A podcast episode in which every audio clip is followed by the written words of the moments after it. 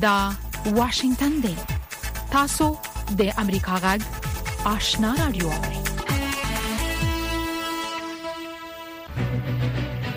قدرمن اوریدونکو السلام علیکم زه شافیا سردار یم دا د امریکا غږ آشنا رادیو خبرونه پیل شوه لومړی به خبرونه واوري السلام علیکم ترنو اوریدونکو زه نذرانه یوسف زیم تاسو خبرونه اوري د افغانستان د بیا رغونې لپاره د امریکا د متحده ایالاتو د سرمفتش دفتر سیګار د ملګرو ملتونو په ګډون د بشري مرستو د رسولو د ادارو په فعالیتونو کې د طالبانو د حکومت مخ په زیاتیدونکو ډول د لاسوهنو خبر ورکړی دی سیګار د پنځشنبه په ورځ په سو پر لپسې ټوټونو کې ویلي چې ملګرو ملتونو د تیر 2022 کال د نومبر د 14 مینه د روان دوه زره درېشتم کال د فرورۍ د میاشتې د بشري مرستو رسونې د ادارو په چارو کې د سلور سوا سلور نوي لاسوهانو په اړه رپورټ ورکړی دی دغه شان د افغانستان د بیا رغونې لپاره د امریکا د متحده ایالاتو د سرمفتش دفتر ویلي چې ملګرو ملتونو تیر 2022م کال کې د مرستو رسونې د ادارو په فعالیتونو کې د طالبانو د حکومت شپږ اتیا بروکراتیکي موانع لاسوهنو او د مرستو رسونې د ادارو سره د تفاهم لیکونو د لاسلیک کولو په برخه کې د فشار تر راوړلو په اړه پیښې ثبت کړې دي په افغانستان کې د ملګرو ملتونو د خړو او زراعت سازمان اف ای او مشر ریچارډ ټنچر وای د 2020م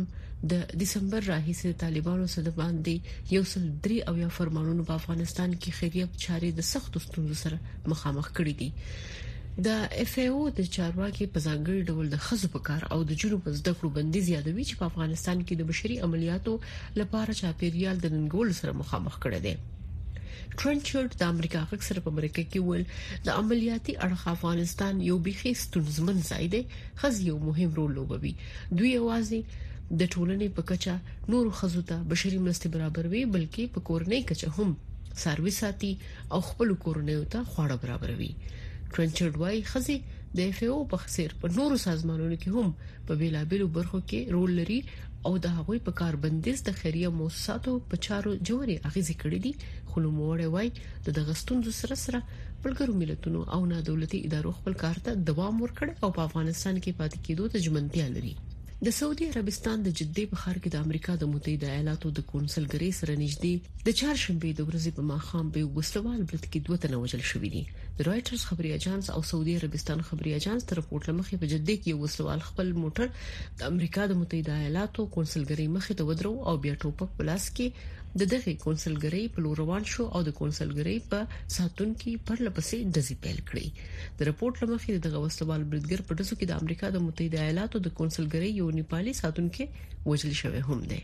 د امریکا ولسمشر جو بایدن وایي دا بل وخت وی چې ویل شي د روسي ولسمشر ولادمیر پوتین په خپل هیواد کې د وسلوال بغاوت له امله څومره کمزوري شوې دي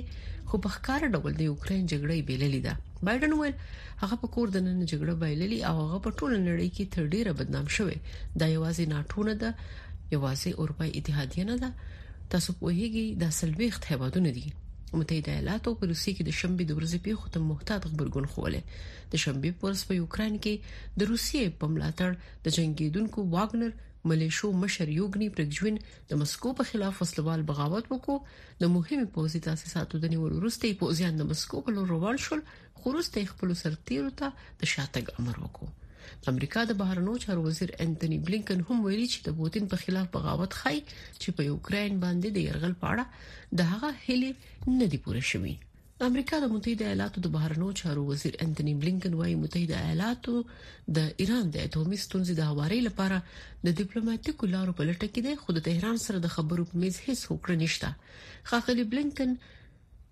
په نیویارک کې د بهرنیو اړیکو د شورا په غونډه کې خبري کولې هغه وویل چې موږ د ایران کړنې څارو خو نوموړي په ورته وخت کې د تهران نو غوښتل چې له داسې اقداماتو لاس واخلي چې د امریکا د متحده ایالاتونو او د منځني ختیځ هیوادونو سره د تاوتریخوالي د زیاتوالي لامل کیږي د امریکا د متحده ایالاتونو ولسمشر جو بایدن د ولسمشرۍ د ټاکنیز کمپاین په بهیر او د خپل پخوانی سیال ډونالد ټرمپ په وړاندې د بریا وروسته په پرله پسې توګه د ایران سره د اټومي هوکړې د خبرو اترو بیا پیل کولو هله څرګنده کړې ده د فرانسې د اساسي قانون شورا د پنځشنبه په ورځ د وی اعلامیې په خبرولو سره د فوتبال په خزینه لوبغاړو د اسلامي حجاب اغوستلو بندیز تایید کو د اساسي قانون شورا په اعلامیې کې راغلي ورزشي فدراسیونونه چې دنده د عامه خدماتو د ښه فعالیت تضمین کول دي کولای شي په سیالیو او ورزشي لوبو کې په خپل لوبغاړو ناپیلي مقررات پلي کړي ترڅو د سیالیو آرام تر سره کېدل او د هر ډول شخړو یا ټکر د مخنیوي تضمین وشي د فرانسې د اساسي قانون شورا دغه هواد د فوتبال فدراسیون هغه مقررات مناسب بللي دي چې د یوې لوبې په ترڅ کې د هر ډول نخې نخانې د سرګندولو او یا جامو د اخیستلو چې په ښکاره ډول سیاسي فلسفي مذهبي تړاو خي په ضد دي بل خو د محجبو په نوم د مسلمانانو خزینه فوټبالرانو ویډلې د فرانسې د فوټبال د فدراسیون د دغو مقرراتو په خلاف مبارزه کړې خبرونه مو د امریکا جغ آشنا رادیو څخه واوریدل درنوریدونکو په دې خبرونه کې د نورو مطالبه ترڅنګ لومړی دا راپورټ لرو چې د طالبانو مشر مولا هبت الله اخونزاده د اختر په مناسبت په خپل بیان کې ویلي دي چې ژر به يې د حکومت قوانين راوګرځي چې سل فيصده به د شريعت په اساس جوړ شوي وي.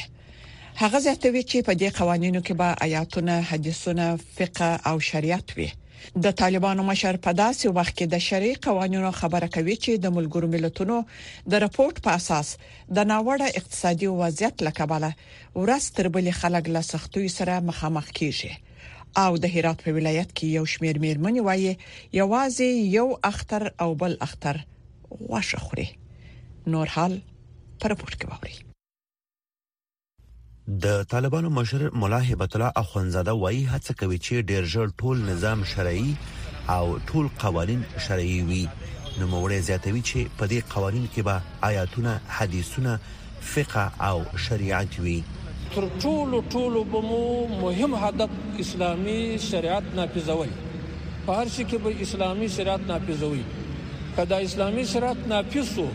ټولو خلکو حقوق به پر ځای کيږي ګوري د شريعت خلاف ورزي به نه کوو. په دوه زره یوویشتم کال کې واک ته طالبانو له بیا رسیدو وروسته دغې ډلې وویل چې د محمد ظاهر شاه د وخت اساسي قانون تطبیقوي خو یوازې هغې برخې به نه تطبیقوي چې اسلام سره په ټکر کې وي د طالبان د عدلی وزیر عبدالحکیم شرعي دا مسله یاد کړې و خو په اړه نور ډیر معلومات نه وو ورکړي د محمد ظاهر شاه د وخت قانون په 1943 شمسي کال کې تصویب شوی چې یو سل اتویش ماده او یولس فصلونه لري شریعت په هغه وخت تطبیقیږي چې تا کار ورکې امنیت ورکې ډوډۍ ورکې هر څه تا پوره کړي او خلک محتاج نه وي که په هغه یو ټولنه کې چې هغه له ویلفیر او رفاهي سټیټي دولتي لکه د غربي نړۍ چې ده دلته ګوره خلکو ته کور ورکوي پیسه ورکوي ډوډۍ ورکوي خپل په اناناتو کې مذهب کې په خبرو کې په هر څه کې ازادي لري که د دې باوجود د دې دکان نغلا کوي د دې ایرانی سي هغه باندې کوي لپاره دې چې ډوډۍ در کوم کور مې در کړې پیسې مې در کړې امنیت مې در کړې دي قیودات در باندې د ژوند نشته دی په لحاظه ته که اوس غلا کوې دا په فساد کې حسابیږي. طالب چارواکي په داسې وخت کې د اسلامي شریعت په اړه څرګندونې کړي چې د ملګرو ملتونو د بشري مرستو د همغږۍ دفتر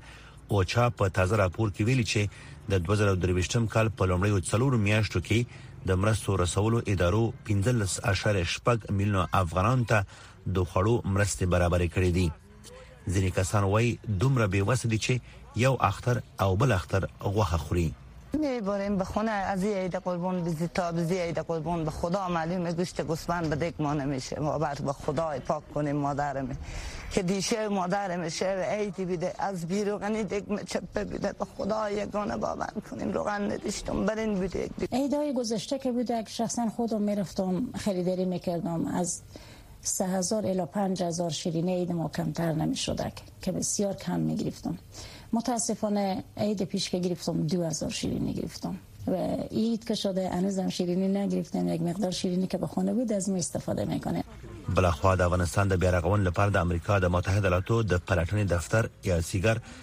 د ملګرو ملتونو په ګډون د بشري مرستو د رسول د ادارو په فعالیتونو کې د طالبان د حکومت مخ په زیاتیدونکو ډول لګ تر لګه د 394 لاس وهنو خبر ورکړی دی طالبانو په دې اړه تر اوسه څه ویلي نه دي انتظار پای ته ورسید ترنو لیدونکو او اوریدونکو تاسو کولی شئ د امریکا غږ ټلویزیونی او رادیوي خبرونه د یاشر ساتلایت له طریقو وګورئ او واورئ د نوي ساتلایت لارې تاسو د آشنا اتصال او کاروان ټلویزیونی خبرونه کتلای هم شئ د امریکا غږ د افغانستان څنګه خبرونه په 309 پټ چنل او د آشنا رادیوي خبرونه په 309 پټ چنل کې اوریدلای شئ لملتيامو د تل پشان مننه رپورټونو ته دوام ورکوي درنوریدونکو پاکستانی چارواکو د لوی اختر په مناسبت افغان کډوالو ته پرته لويزو په تذکرو افغانستان ته د تګ اجازه ورکړي چې تر دې دمه څه باندې 15 زره تنه لکشري او وښتي دي افغان کډوال وایي چې په پاکستان کې د اسنادو پرته له پولیسو لخوا زورول کیږي نو ځکه خپل وطن ته تلل غواړي د بل خوا ډیر افغان کډوال د بیرته راتګ اراده هم لري خو په تذکره ورته د تللو اجازه نشته زموږ همکار مسکا صافي تورخم ته ورغلي او په دې اړه یې دا راپور جوړ کړی دی د تورخم په دروازه کې په زورګونو افغان کډوال سور لمر او د خلکو کړهونه نه یوازې نارینه بلکې ښځې هم د اوسپنې له جالونو څخه ورهاخوا وړي. د پاکستان حکومت افغان کډوالو ته اجازه ورکړې چې تر لوی اختر پورې له ویزې پرته په تذکرو خپل وطن ته ستانه شي. یو شمېر افغان کډوال وايي چې له اسنادو پرته د پولیسو له لوري ځورول کېدل، نو ځکه بېرته خپل هېواد ته روان دي. کول او دلته کارټونه را سره نه وو بچیان یې زما نیول او هره ورځ یې رانه پیسې اخیستي او بالاخره چې اوازې تیزې شوې چې چاپې شوې عزت هم خرابېږي او زنانه هم راځي بیا زنانه هم وړي او موږ کرایه یې هم پوره نه لرو دی او رابار مو کړه بېګا ماښام دې تورخم ته رارسېدلي یو اوس نه د پنډي سره جوړېږو نه د لارې سره جوړېږو ټول راته زیاتې زیاتې پیسې وایي او یو تجارت روان دی بچی مو هلاک شو په نور کې پراته دي اوبه ورته نه رسیږي د دوه کالو طالبان چې راغلي موږ راوغوښتو مجبوریت نه غریبي مو بله چاره هم نه کاروبار نه دې غړي چې راوغوښتلو د ځکه تنګ پولیس تنګولو نه پری خودلو کله به وځي کله کله بل ځکه بس وای چې خپل وطن ته لاړ شي او چې دلته راغلی مونږ مونږ هیڅ انصاف نه کیږي دلته سبا نه راغلی او شپه دلته وکړه او ماشومان زما پنځه ماشومان دي پنځه واړه ورک دي دا راکې نه لکه کوم غاړي لاړل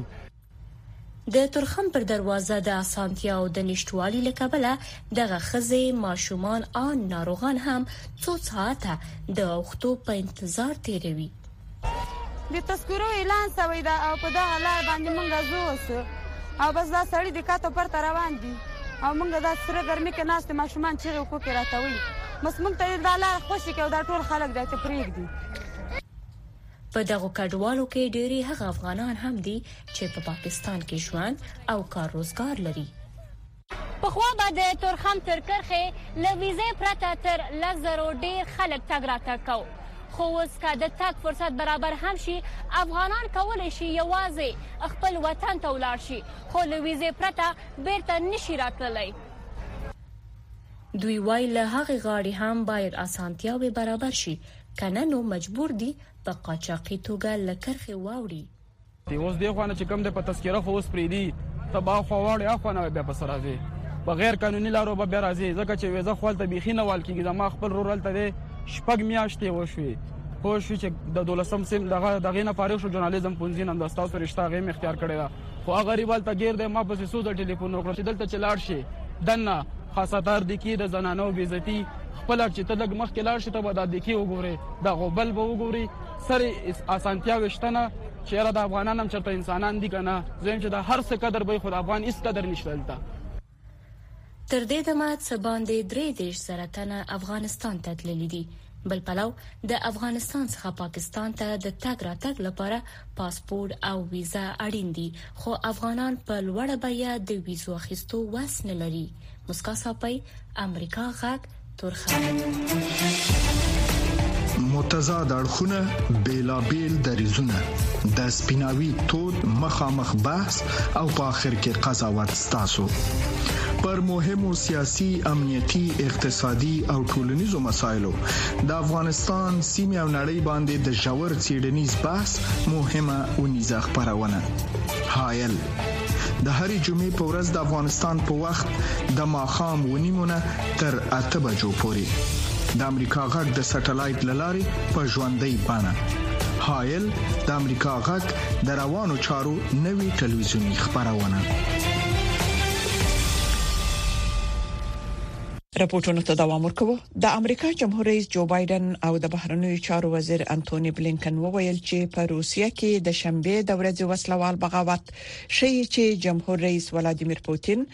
په اوکراین کې جګړه په څرګنده توګه بایللې ده او دا حقیقت په ډاګه کوي چې پوتین د دې جګړې څخه څومره هیلې لري او اوس څه پیښیږي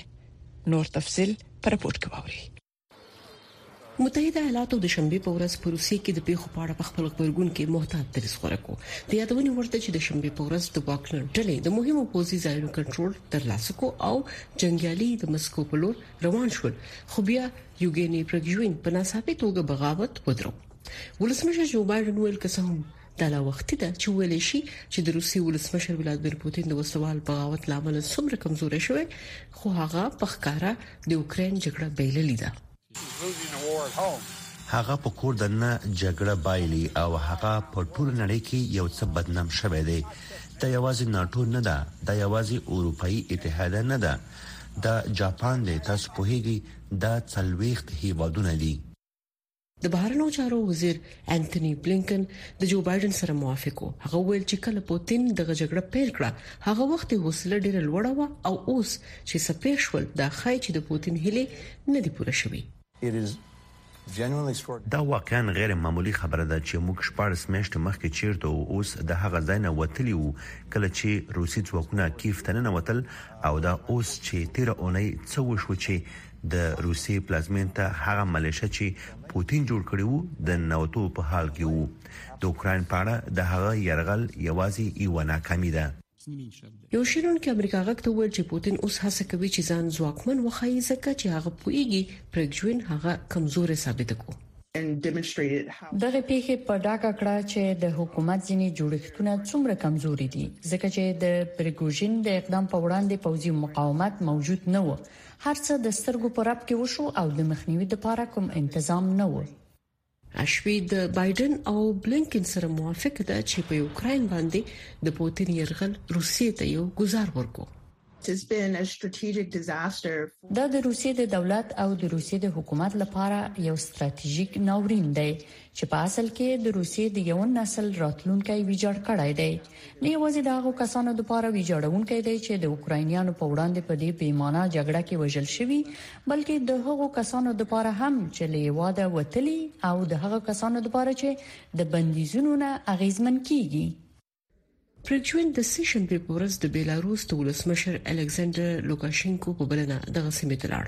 د بیلاروس ولسمشر د پوتین متحد دی او د هغه په منځګړتوب د غدوانو خواو خبري وکړي نذرانه یوسف سي امریکا غږ واشنگټن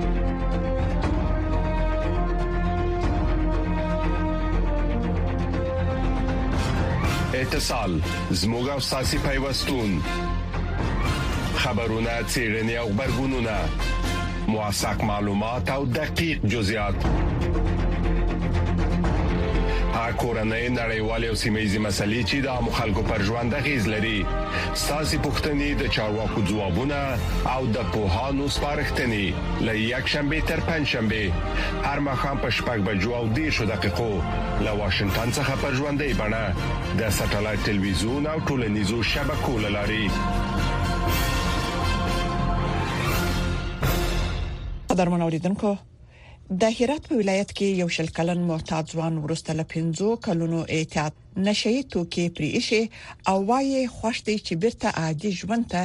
ګرځیدل او د اختر خوشي له خپل کورنۍ سره یو ځای لمانځي دا ډول یو زیات شمیر نور معتادین هم ست چې یوازې له خپل کورنۍ سره د اختر ورځ لمانځي صفیح الله احمدزي په دې اړه رپورت را استولی د اختر په دې شپو ورځو کې د فرهاد احمد کارونه ډیر دي ان د شپې له خوا هم د خلکو د اختریزو جامو په ګنډلو بوخت وي دا شل کلن ځوان چې 15 کال په نشي موادو اخته وو د احتیاط پرې خودلو وروسته خیاطۍ ته مخه کړه ترڅو د نشو سوچونو او د خپل معتاد ملګرو څخه ځان لري وساتي دی چې د معتادۍ سختې ورځې یې په ځان لیدلي، اوس خوشحاله دی چې بېرته ټولنې ته راګرځېدلی دی. خیلی خوشحالم که عید در آغوش خانواده خانم کنار دوستا خانم عید به خوشی و خوبی سپری میکنیم در گذشته خیلی خراب شده بودیم اصلا نمیفهمیدیم چی وقت عیده خیلی خسته شده بودیم شب و روز عید نمیتونستیم درست تیر کنیم سپری کنیم فرهاد احمد چې د خپلو ملګرو له لوري په مخدره موادو معتاد شوی وو درې کاله کېږي چې نشي موادو څخه پاک شوی خو وایي لا تر اوسه هڅه کوي چې ځان له دې خطرناکو موادو څخه لرې وساتي او بیرته پرې اخته نشي زیات شمیر معتادین هم شته چې له وار وار هڅو وروسته نه دي توانېدلي د نشي موادو څخه لاس واخلي عبداللطیف له څلور ځلو ناکامو هڅو وروسته د پنځم ځل لپاره د اعتیاد پرېښودلو دې مرکز ته راغلی چې نشه یي مواد پرېږدي باید د احتیاط په موده کې هیڅکله یې نه په زړه کېږي چې اختر یې نمانځلی وي از روز عید ما یک خاطره داشته باشیم بگوییم خود کدی دوست خو ما برفتیم به خونه فلانی رفتیم یا روز عید ما چه کار کردیم یا روز عید کجا رفتیم ما هیچ ما یاد ما نمیاد که ما بگوییم یک روز روز عید ما فلان خود دوست خو ما رفتیم خونې فلنې یا خونې کاکا یا خونې ماما یا خونې برادر یا خونې خواهر یا خونې عمه خاله بیبي هیچ یاد مخ نمیایه اوس مهال زرګونه معتادین د هرات ولایت د نشي موادو د درملنې مرکزونو کې شپې ورځې تیروي دا معتادین هیله لري چې نشي مواد پریږدي او د اختر خوښي د خپلو کورنیو سره یو ځای ولمانځي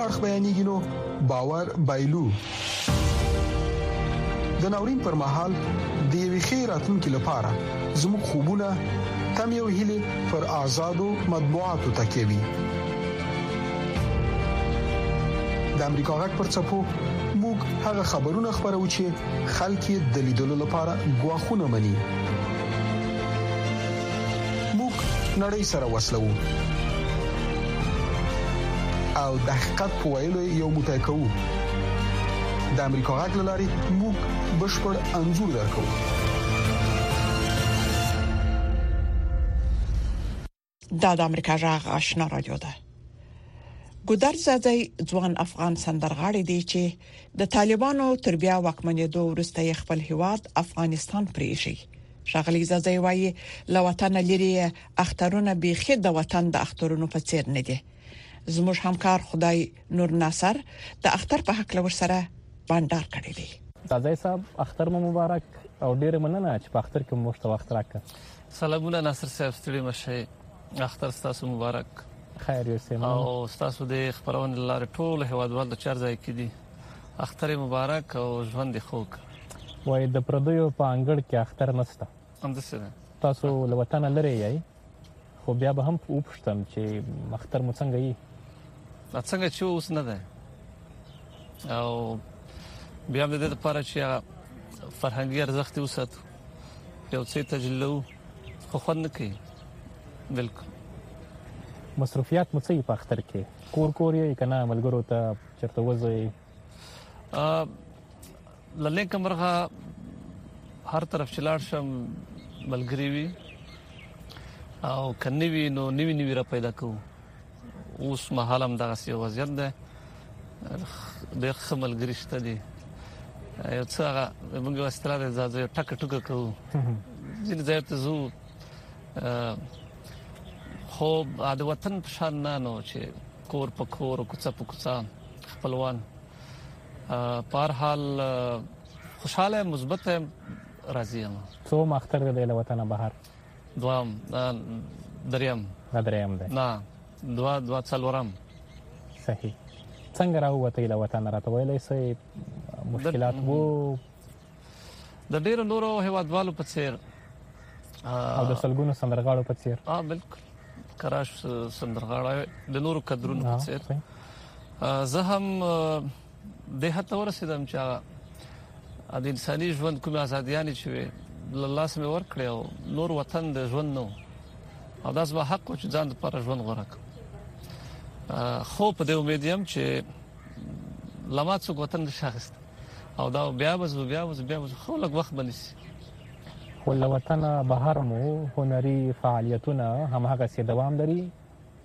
څنګه یاست کارونه مو شته نه یو چې لا لمخکې نه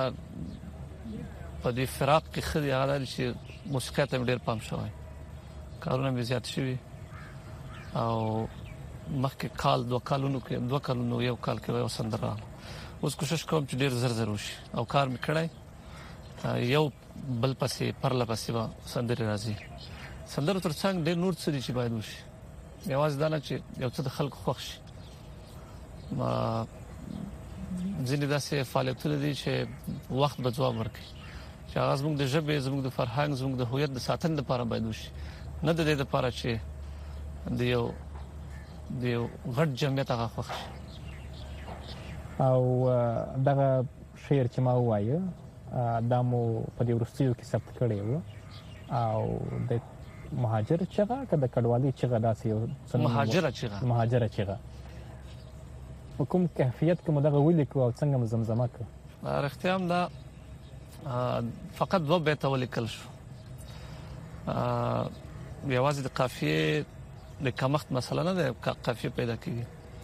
خو نور نه لیکل کېده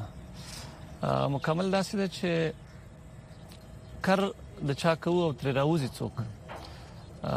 جنگ د چا پر زمکه را پریوځي څوک سترګې زما او باسي او یو یې سي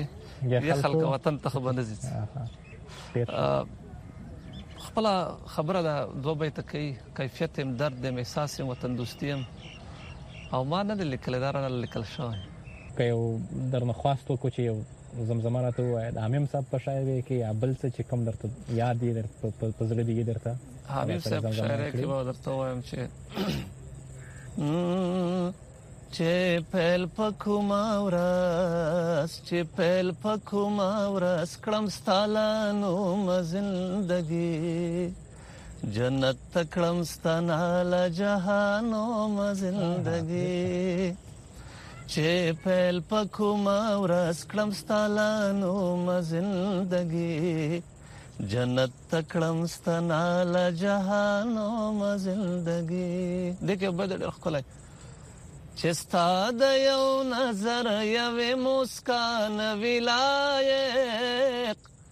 ته ووایا هغه بکړی لا کوم زندګی ډیر ښه ډیر پکړو طالبانو د افغانستان له دننه د امریکا غاټ راډیو خبرونه درولې دي خو امریکا غاټ په پوره شمنتیا خپل افغان اوریدونکو ته په پښتو او دری ژبه د کره باوري او هررخیزو خبرونو په خبرولو د افغانستان له بهره په نهه سوه او دوه اویا کیلو هرتز منځنیو څپو خپلو خپرونو ته دوام ورکړئ. د دې ترڅنګ تاسو کولی شئ چې زموږ پښتو خپرونې په لنډو څپو هم واورئ. پښتو سهارنۍ خبری خپرونه پر 2290.0 څپو اوریدل شي. ماخبنۍ پښتو خبرونه په 2140.0، 12015.0، 9815.0، 14590.0